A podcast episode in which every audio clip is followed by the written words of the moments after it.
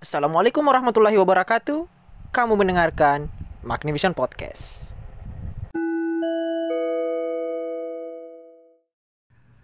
Kembali lagi kamu mendengarkan Magnivision Podcast. Bumper, bumper, bumper. Podcast wise, podcast wise terbaik di dunia. Kita belum dapat anggaran untuk bikin bumper yang lebih baik ya. Nanti kita ini cari bumper yang lebih. Oke. Kem- eh, kamu mendengarkan Magnificent Podcast di episode ke-14. Eh, spesial ini ya. Enggak spesial juga sih, cuma kebetulan dekat-dekat hari ulang tahun Kabupaten Pangkep tempat kami bernomisili. Oh ya di episode kali ini kembali Magnificent Podcast diisi oleh eh, yang bisa mengisinya, Pak. Ini ini apa tinggal kami akan terus mencoba menghidupkan podcast ini bersama saya eh, ada Fajar dan Isan Rasid lagi kembali. Kita seperti biasa akan membuka eh, podcast ini dengan mem- memberikan informasi-informasi Ya. yang sekali lagi walaupun tidak penting menurut Anda tapi akan menambah pengetahuan. Diawali dengan berita pertama. Eh, Partai Emas tetapkan deklarator Demokrat sebagai ketua dewan. Ya, di sini saya juga ditemani bersama Fajar, eh, ketum Demokrat. Fajar ya? Sim- simpatisan Oh, Partai Demokrat. simpatisan Demokrat dan bersama Ihsan, calon Menteri Kesehatan. Amin. Iya, perlu diketahui calon Menteri Kesehatan. Ini Ihsan ini ini mahasiswa fisika, jadi saya berharap dia jadi Menteri, Kesehatan. Kesehatan. Karena yang dokter sekarang eh, Ibu Rifka Ciptani sekarang ngurusi STM. jadi untuk orang pertambangan dia sekarang harus dari dulu belajar bagaimana cara menghimpus, sekarang harus mau belajar reaksi batuan. Nah, jadi ini ini informasi buat eh, teman-teman mungkin yang mau mak yang niatnya mau masuk ini mungkin eh, sayap-sayap partai untuk golongan muda bisa mempertimbangkan masuk ke partai emas. Ini partai yang baru dideklarasikan eh, pada Desember 2020 Masih muda sekali. masih muda sekali, masih muda sekali diketuai oleh Ibu Miska. Ini ini saya ingat ini Pak Miska beruang. oh, apakah ini alasannya dengan partainya ber- memberikan gambar harimau? Jadi partai Mas itu gambar gambar lambangnya itu ada ada kayak padi, padi ya itu padi gandum itu di sekitar sekelilingnya. Terus ada di tengahnya itu ada harimau, harimau harimaunya imut sekali dengan pan- dengan bintang di atas.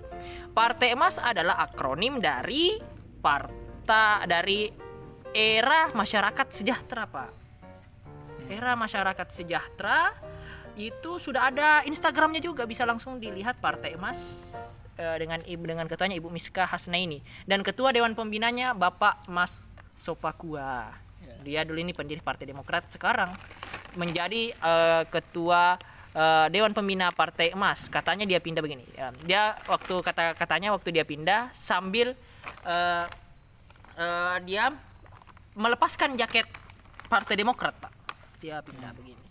Eh, dia mengatakan seperti ini, saya tidak ingin menyalahkan siapa-siapa, tetapi saya harus berkarya. Saya harus mengabdi seterusnya karena pengabdian saya berjalan terus. Demokrat tidak memerlu- eh, tidak memerlukan pengabdian saya lagi. Ya silahkan, saya meneruskan perjuangan bersama Partai Emas. Iya ini.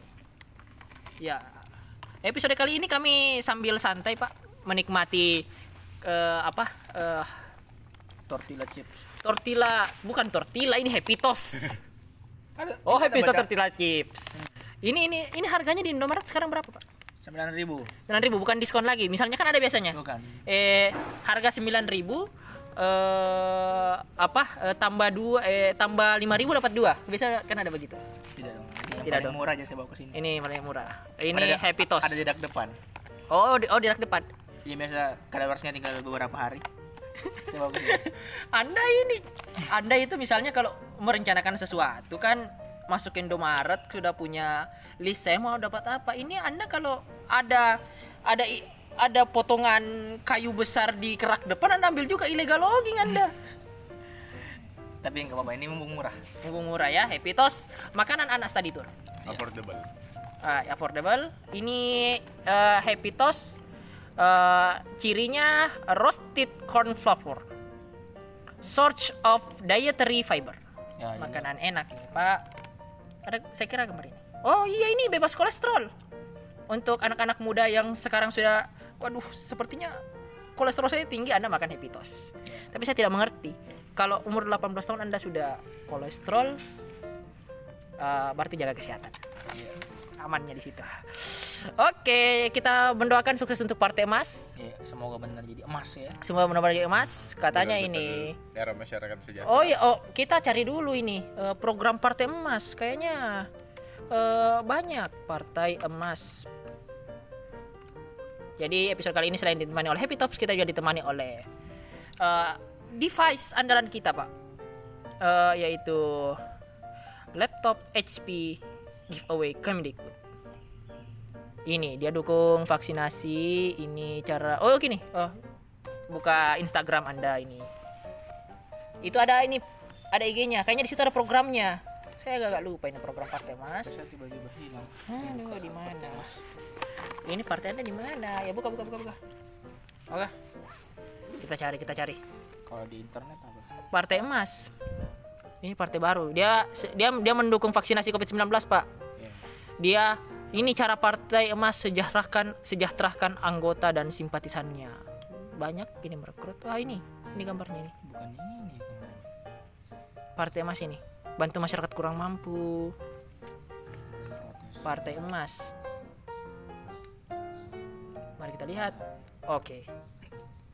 Followersnya sudah ada. Ini sudah ini gambarnya nih. Ya followersnya berapa pak? Partai emas? 1577 orang. 990 orang Postingannya ada 17. postingan ada 17 Ya, postingan terbarunya itu ini ya, karena momentumnya lagi ini ya. lagi imlek Imlek. ini coba scroll ke bawah ini kita lihat program-program partai emas siapa tahu pendengar kita ada yang mau jadi eh, kader partai emas bisa pak partisan. partisan sayap sayap pemuda Oh, ini eh, muka ketumnya semua. Eh, iya dong anda tidak suka Ya, enggak. ketumnya cantik dong ini ibu normal sebenarnya.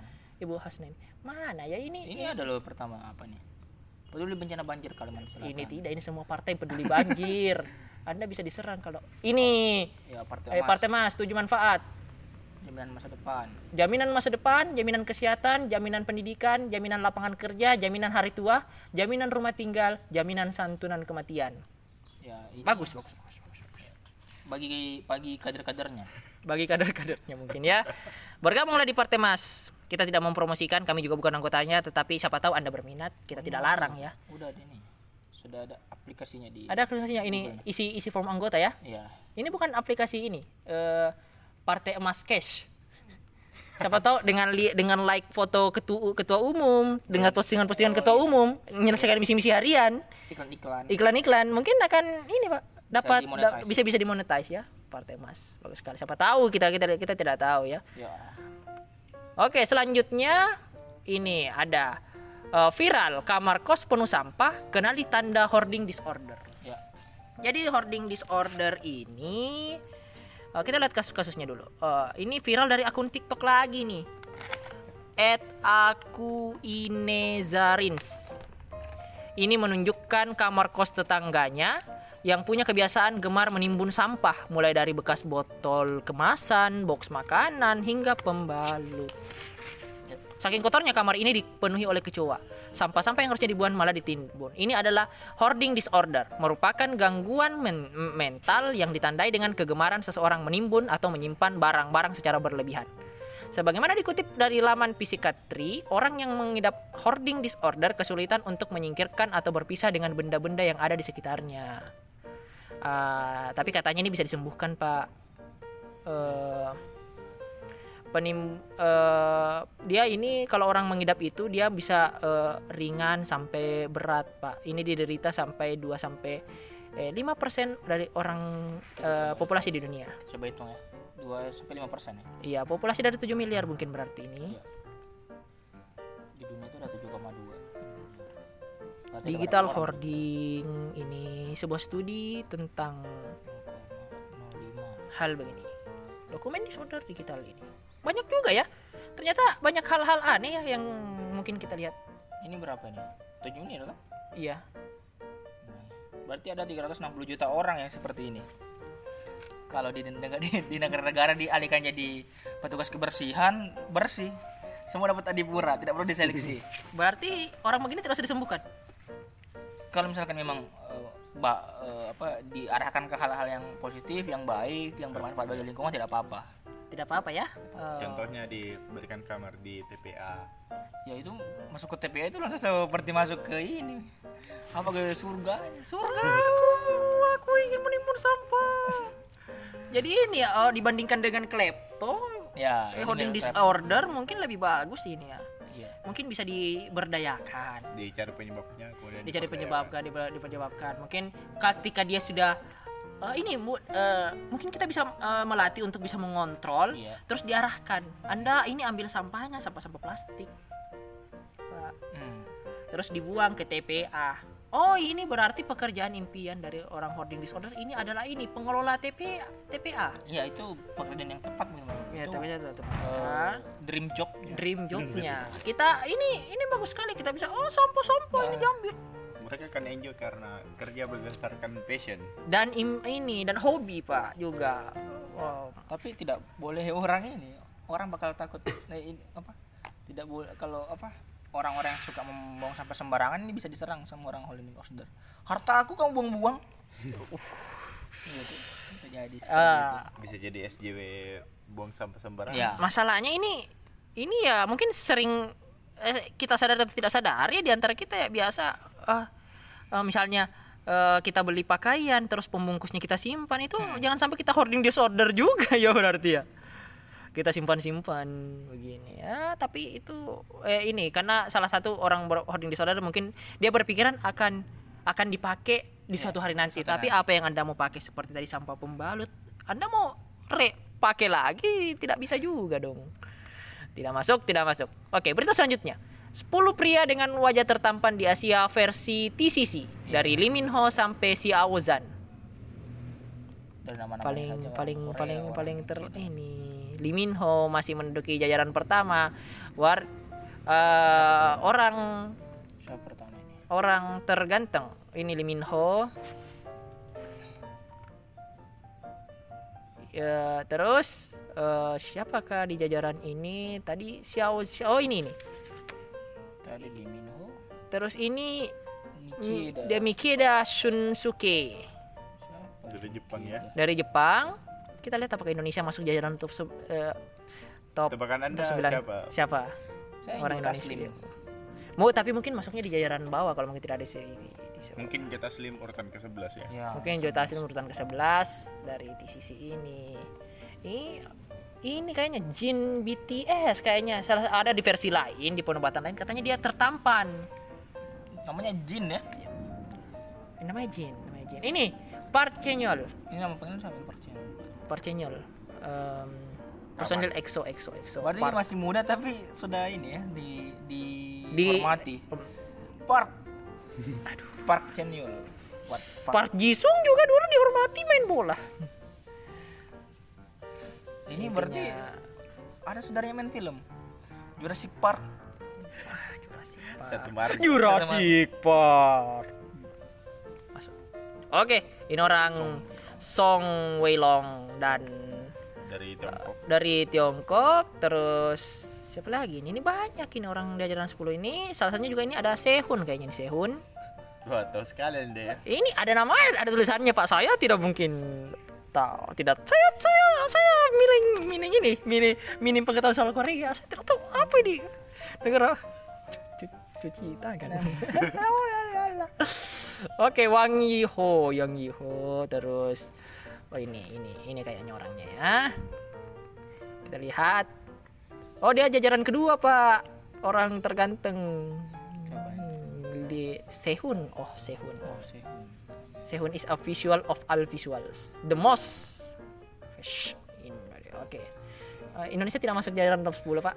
Mungkin mungkin. Kita bikin survei sendiri, Pak. Yang kita survei. Eh terserah lah ini pendapat mereka. Orang-orang tampan silahkan. Oke, Kap. Eh eh, ini kita simpan bertanya untuk selanjutnya. oh, ini ini ini ini. Eh, wisat ini dari National Geographic pak Iya. bagus Destinasi di Mars ini bisa dikunjungi wisatawan di masa depan. National de, de- nationalgeographic.co.id. Mars memiliki lokasi wisata yang luar biasa untuk dijelajahi di masa depan. Ada gunung berapi besar, ngarai dalam dan kawah merupakan salah satunya. Berikut ini adalah lokasi yang bisa dikunjungi. Ada Olympus Mons. Di, di Mars begini tempat wisata ya. iya. ini biasa berbanyak. Oke oke oke. Medan terjal. Medan- terjal. Ngarai. Ngarai. Ngarai. Tarsis Volcano. Sangat Ini Tarsis menampung 12 gunung berapi raksasa. Ini Anda kalau mau cuma cari gunung berapi, Anda ke Merapi. Bisa di ini sangat sesuai dengan 2500 mil 400 km lah menurut NASA.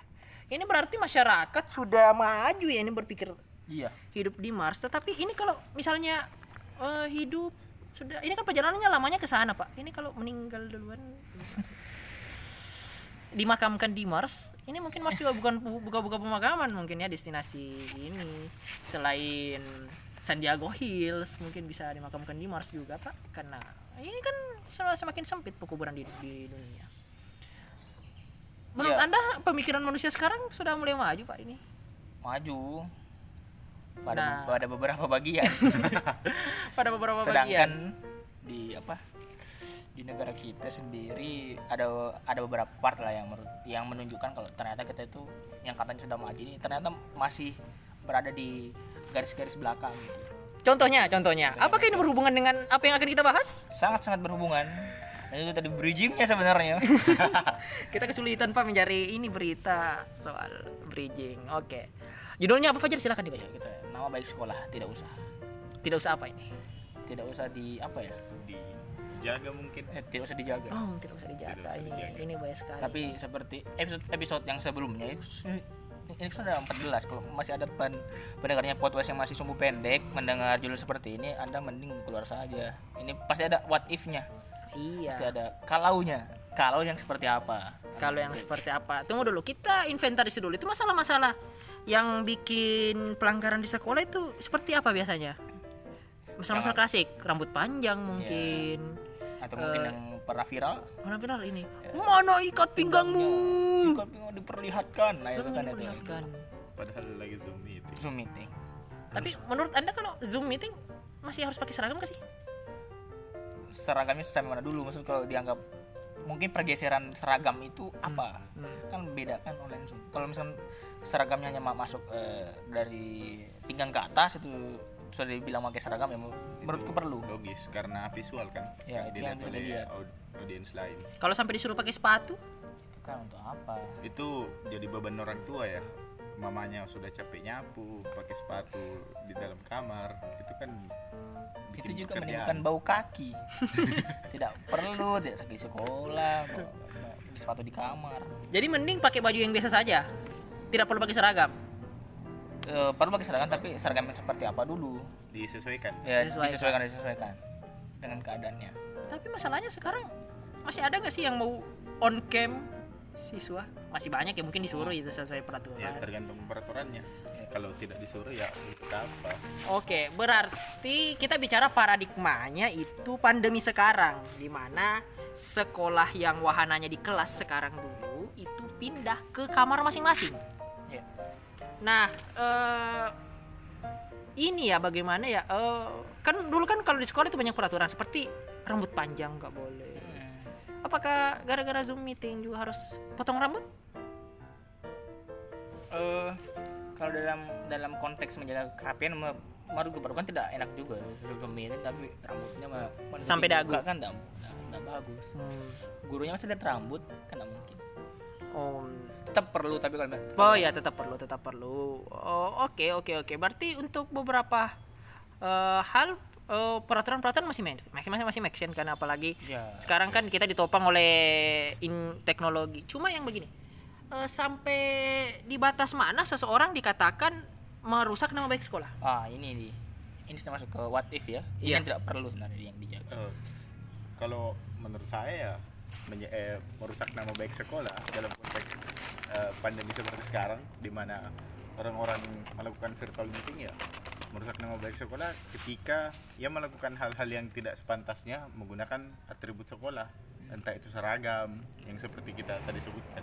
Me- eh, ini kita juga harus tahu batasan eh, entahlah eh, ini eh, entahlah saya masih bingung. Merusak nama baik sekolah itu dalam tatanan kan begini ada dia bilang dia mengatasnamakan sekolah baru dia dikatakan te- me- merusak nama baik sekolah atau misalnya cuma gara-gara dia melakukan sesuatu dan dia terlacak dia siswa dari sini. Menurut anda bagaimana itu? Di mana ranahnya ketika dia me- eh, bisa dikatakan eh, kapan dia membawa nama sekolah mana tidak? Atau memang nama nama sekolah itu seumur hidup atau sampai dia lulus begitu anda jangan banyak makan hepitos ini pak Eh, sel- kebetulan kita ini bertiga satu sekolahan ya satu sekolah Ah, ah, berakhir di sekolah yang sama ya berakhir di sekolah sama walaupun kita juga sekolah. mendaftar di sekolah yang Sama sama, juga. juga tetapi pada saat lanjut kita di sekolah yang berbeda tapi berakhir di sekolah yang sama Oke. Nah, itu toh. di sekolah kami ini ada peraturan harus menjaga nama baik sekolah di dalam maupun di luar. Iya. Dan kayaknya semua sekolah juga begitu. Iya, iya. Batasan dalam sama luar itu sudah jelas. Hmm. Nah, sedangkan sekarang online basisnya mungkin Zoom kayak tadi Wesley bilang yang awalnya di kelas jelas ada temboknya. Eh, itu, itu, tunggu dulu saya potong. Eh, tadi anda bilang batasannya menjadi jelas, bukannya batasannya menjadi luas di dalam maupun di luar. Ya iya, ma- ya jadi maksudku kelihatan dalam sekolah sama luar luar sekolah itu seperti apa. Nah, sedangkan kalau misalkan seperti ini kalau eh, online itu agak kabur, batannya jadi agak kabur. Nah, seka, nah karena agak kabur berarti tidak ada hal apa ya eh, la- landasan untuk menjat seseorang itu melanggar baik sekolah di dalam di luar itu juga harus diperhatikan. Karena ini kan sudah kabur harus jelas batasannya seperti itu. Hmm. Eh, contoh mungkin ketika eh, seseorang itu ber, apa, berselancar di dunia maya. Oke. ya kan ya? Itu eh, apakah eh, eh, terus dia tidak apa mungkin di sekolahnya itu bilang oh tidak boleh berpakaian mini misalkan tapi di dunia Maksudnya maya upload dalam hal ini upload. iya dia Ya. mengupload eh, eh, dianya meng- menggunakan pakaian minim Hmm. di sosial media Hmm. apakah itu kemudian dianggap me- apa me- apa me- me- me- melanggar ya apa merusak nama baik sekolah Hmm. karena ini batasnya kurang jelas ya Iya. sekolah sampai mana sebenarnya apakah hanya ketika dia zoom meeting apakah sampai se- sampai sa- hanya selama waktu sekolahnya dia Hmm. Itu kan kurang jelas Hmm. jadi kita perlu hati-hati untuk eh, untuk untuk apa ya me- orang seperti itu nah masalahnya sekarang banyak tidak berhati-hati asal ngejeblak saja oh kamu ramai sekolah kamu pakaiannya minim dan sebagainya kamu tidak potong rambut dan sebagainya Eh, jadi eh, apa ya? eh, ini lebih ke orang yang mem, apa ya merasa eh, apa ya mengkaitkan dia. Anda kan eh, misalnya dari siswa dari sekolah tertentu, Anda Ya. harus Anda harus menjaga kelakuan. hmm. Menurut Anda itu bagaimana?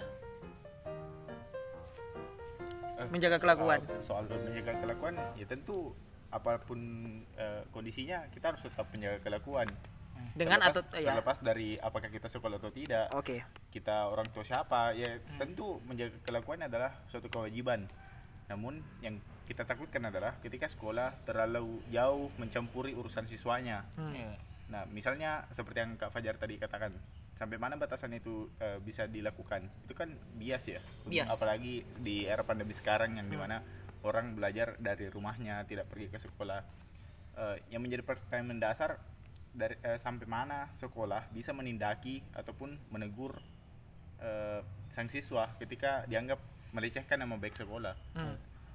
Untuk kawais Eh, ya anda wes jangan main aman aja wes tidak, masalahnya saya ini ini ini apa rawan sekali pembahasan kita. Soalnya begini ya, eh, saya dalam tahanan begini masalahnya eh, terkadang itu dikatakan salah karena orang orang mengatakan itu salah. Artinya karena begini, eh, ada orang yang merasa terganggu.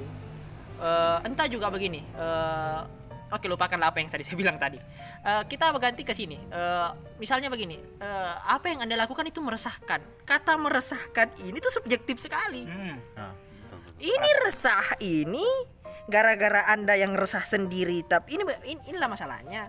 beberapa dari kita itu dia resah dia cari orang dia dia cari teman pak ya misalnya Ya, begini menghasut untuk menggiring opini orang lain menggiring opini orang lain seperti dia bilang Eh, eh eh, i eh, yang anda lakukan ini bahaya. Seperti begini yang anda lakukan ini bahaya. Ini bisa eh, meresahkan orang lain. Hmm. Eh, yang dia katakan dengan konten anda ini. Tetapi dia mengatakan ini yang sebar dia juga. Masalahnya begini ya kalau misalnya konten itu tidak pantas konten itu tidak pantas eh, ya dua dua teman saya lagi sibuk makan happy toast. Eh, yang maksud masalahnya ini dia eh, oke lah dia dikatakan eh, melakukan hal yang tidak tepat di, sos- di, sosi- eh, di sosial di, di sosial media itu. Entahlah mungkinnya sekarang di TikTok lah mungkin lah di TikTok. Tetapi eh, batasan ini bias sekali kembali lagi yang kita katakan tadi bias sekali. Tidak tidak jelas kapan dia punya hak untuk membawa eh, namanya pribadi. Hmm.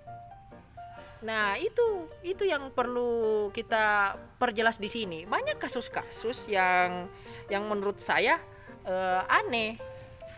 Kalau Anda melihat misalnya orang dia dia siswa, Ya. dia upload foto misalnya sama kegiatan sama pacarnya, entahlah mungkin dia mencium pacarnya mungkin bisa. Menurut Anda itu salah atau tidak? Kalau misalnya orang tuanya mengizinkan bagaimana?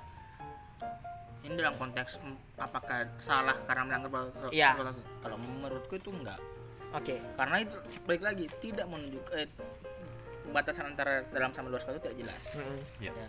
yang salah itu yang cari-cari di FYP-nya di explore enggak kan itu tidak muncul tidak se eh, konyong-konyong muncul kan oh iya Iya. foto adik kelasku tidak mungkin ini bagi kakak kelas rese yang sedih menggunakan ini ya bahan-bahan seperti ini sebagai bahan untuk kalau di di apa di tempat kita namanya itu apa ya namanya itu eh, lah latihan dasar kepemimpinan.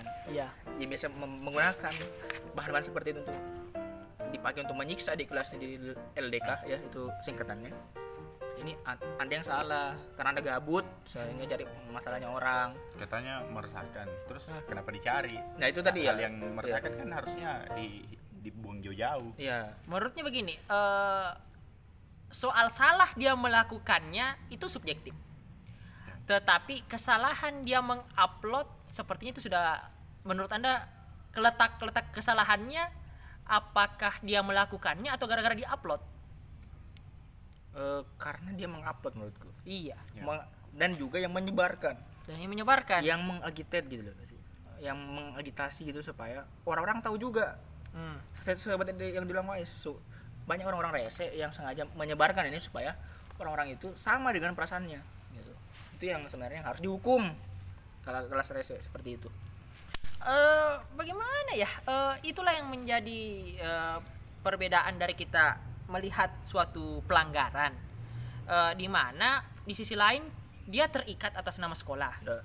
di sisi di sisi lain dia juga berhak untuk meng- apa ya melakukan sesuatu atas nama pribadinya ya. dan ini eh, ranah sekarang yang menjadi rancu di karena eh, batasan sekolah yang tadinya betul di tempat sekolahnya kan sekarang dibawa ke rumah. ya. Itu menjadi itu menjadi rancu menurut saya. Kapan itu terjadi pelanggaran nama baik sekolah? Ketika dia mengatasnamakan dirinya. Mengatasnamakan. Mungkin di dalam konten misalnya saya atau dia memakai atribut lah. Hmm. itu baru dia mengatasnamakan itu betul menjelekan nama sekolah. Atau dia melakukan itu misalnya dia bikin konten dengan pacarnya tetapi di dalam lingkungan sekolah. Ya. itu menurut saya itu menyebarkan ah, itu merusak nama baik sekolah. Tetapi kalau dia lakukan itu di luar jam sekolah terus dia lakukan itu di di privasinya sendiri ya saya Misalnya rasa di kamar atau di di, rumah. di di kamarnya tidak Uh, cuma begini uh, terkadang orang tidak bisa membedakan antara uh, mana kesalahan kesal ini orang uh, orang menyamaratakan uh, kesalahan yang dia lakukan. Padahal kesalahan ini dia harus diberitahu kesalahannya di mana. Anda salahnya karena upload. Tapi dia ada orang menyamaratakan kesalahannya. Nah itu yang masih bias uh, di sini. Menurut anda bagaimana anda pasti sudah kehabisan kan jadi melempar ke kita berdua ini sih berat, menurutku Pak. yang- aku mungkin mau nyambung tadi yang Mbak Iya. sempat bilang banyak orang yang mengutak apa mengedepankan perasaannya sebagai dasar hukum Dasar Nah. hukum. ya karena sudah tidak jelas dasar sekolah itu di mana eh batasan sekolah itu ada di mana saja makanya dia menggunakan perasaan sebagai dasar hukumnya untuk meng- menghukumi orang-orang Hmm. wah menurut peraturan sekolah yang saya baca apa ya rasa-rasanya kami sudah melanggar. Dengan berpakaian seperti ini seperti itu atau ber apa bertatap kelakuan seperti itu. Waduh itu, itu. Dan seterusnya. Ya kan ya? Iya. ya itu ya itu di dalam hukum saya sendiri di dalam hukum saya. Perasaan itu tidak bisa di, di, dipakai sebagai suatu hal untuk jadikan dasar perkara. Tidak bisa apalagi hal yang jadi seperti ini ya Karena eh, perasaan orang yang melihat, orang yang merasa bahwa itu meresahkan, ya subjektif sekali. Ya kita pindah tempat. Agak hujan di luar ya. Oke, eh, melanjut ke yang tadi kita s- untuk beberapa hal tersebut ya kita tidak eh, kita tidak mengencourage orang melakukan pelanggaran ya berarti berarti dengan dengan hal itu Anda bebas saja melakukan ini tanpa mengingat nama sekolah Anda tidak Pak kita yang kita ingatkan itu adalah bagaimana eh, Anda kebebasan Anda itu tetap bertanggung jawab lah, tetap bertanggung jawab. Tetapi Anda rana-rana private-nya itu tetap terjaga juga. Ya kesalahan itu harus dititik beratkan di mana karena dia mengupload. Karena menurut saya begini, orang yang melakukan seperti itu tidak punya dasar untuk dia bilang tidak bermoral antara melakukan suatu kebaikan. Itu tidak bisa di disamaratakan seperti itu. Itu masih menjadi perdebatan lah. Di satu sisi kalau pendapat anda ini ini pendapat terakhir sebelum eh, perdebatan kita. Terakhir sebelum eh, kesimpulan. Setuju eh, setuju tidak kalau misalnya orang yang melakukan ini eh, dikeluarkan dari sekolah Oh, tentu tidak ya. Tentu berdasarkan pertimbangan apa pun itu perlu ditinjau kembali. Apakah pelanggarannya memang pantas untuk ditindaki sampai dikeluarkan dari sekolah? Nah, permasa- eh, betul seperti yang Kak Wais katakan bahwa pembicaraan kita ini bukan mengarahkan eh, kita semua untuk berlaku semena-mena asal tidak menggunakan pakaian sekolah tidak seperti itu.